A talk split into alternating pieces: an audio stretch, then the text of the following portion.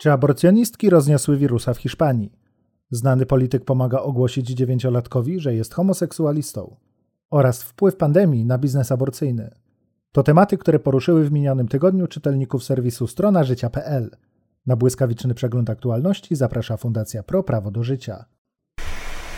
Strona życia. Stań po stronie życia.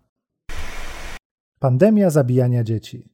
Boimy się koronawirusa, niejednokrotnie wręcz panicznie. Stosujemy wiele środków zaradczych, wdrażamy restrykcyjne procedury, nawet ograniczamy naszą wolność wyboru co do sposobu spędzania czasu i form aktywności. My, tak miłujący wolność i możliwość wyboru, gotowi jesteśmy na wyrzeczenia w tym obszarze, aby chronić zdrowie i życie własne oraz innych ludzi. Jak widać, jesteśmy zdolni do tego, aby podporządkować nasz wybór wyższemu dobru, w tym dobru drugiego człowieka. Od wielu lat istnieje pandemia znacznie groźniejsza od koronawirusa i wszystkich innych znanych chorób zakaźnych, która zbiera gigantyczne gigantyczne, śmiertelne żniwo. Ten bakcyl na całym świecie zabija prawie dwoje ludzi w ciągu jednej sekundy. W ciągu ostatnich stu lat życie straciło grubo ponad miliard osób. W dotychczasowej historii ludzkości nic nie pochłonęło tylu ofiar. Bakcyl ten jest tym gorszy, że zabija wyłącznie dzieci. Tą pandemią jest aborcja i proaborcyjna propaganda. Jest bardzo wielu świadomych i nieświadomych nosicieli tej pandemii. Większość z nich nie kryje dumy z tego powodu, święcie wierząc, że służą dobrej sprawie.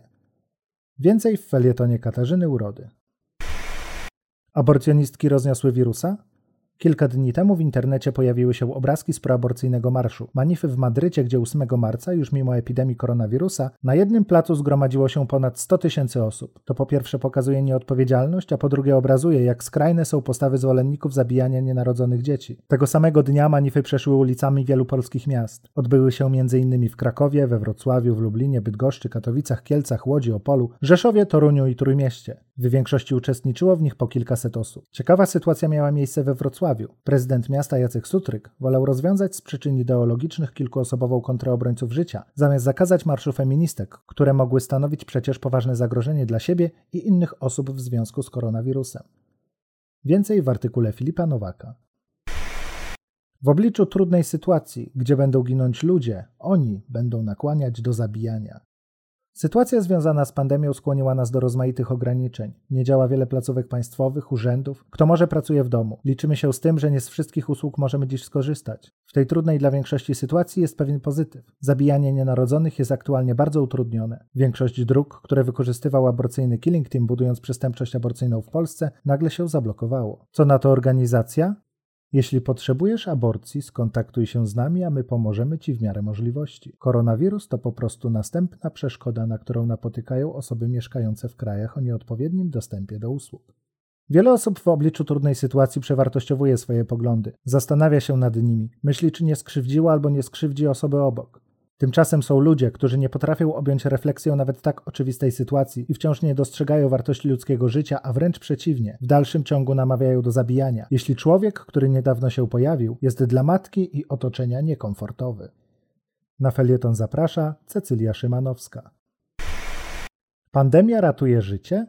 Prawie cała Europa zajęta jest w tym momencie pokonywaniem zarazy. Większość krajów stara się na wszelkie sposoby zapobiegać rozprzestrzenianiu się pandemii, która we Włoszech zabija około 400 osób dziennie. Inne kraje, korzystając z włoskiego doświadczenia, podejmują odpowiednie środki bezpieczeństwa, by odciążyć służbę zdrowia. W sieci zaczęła krążyć grafika informująca, że jeśli przez wirusa Planet Parenthood zamknie kliniki aborcyjne na dwa tygodnie, to wirus ocali więcej ludzi niż zabije. Czy te wyliczenia są słuszne? Tego nie wiemy. Wiemy jednak, że w samej Polsce po wprowadzeniu obostrzeń trudniej o nielegalne zabójstwo własnego dziecka. W Europie przeciążone są szpitale, co sprawia, że w niektórych miejscach zabicie nienarodzonego jest utrudnione. Wiemy również, że zaraza zabiła już ponad 10 tysięcy chorych. Aborcja zaś, według szacunków, zniszczyła od początku roku około 10 milionów dzieci. Czy epidemia, krzyżując szlaki proaborcyjnemu lobby, przyczyni się do przeżycia większej liczby osób niż uśmierciła?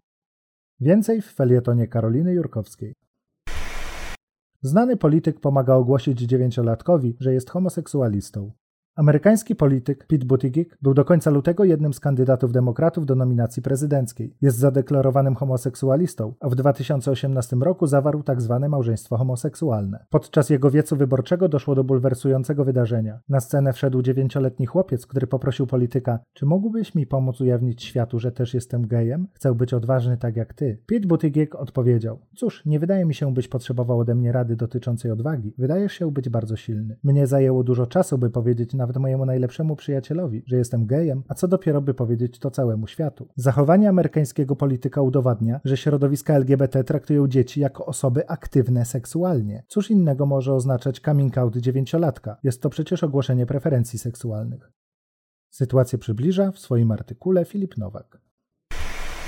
Do odwiedzenia serwisu życia.pl zaprasza Fundacja Pro Prawo do Życia. Strona Życia. Stań po stronie życia.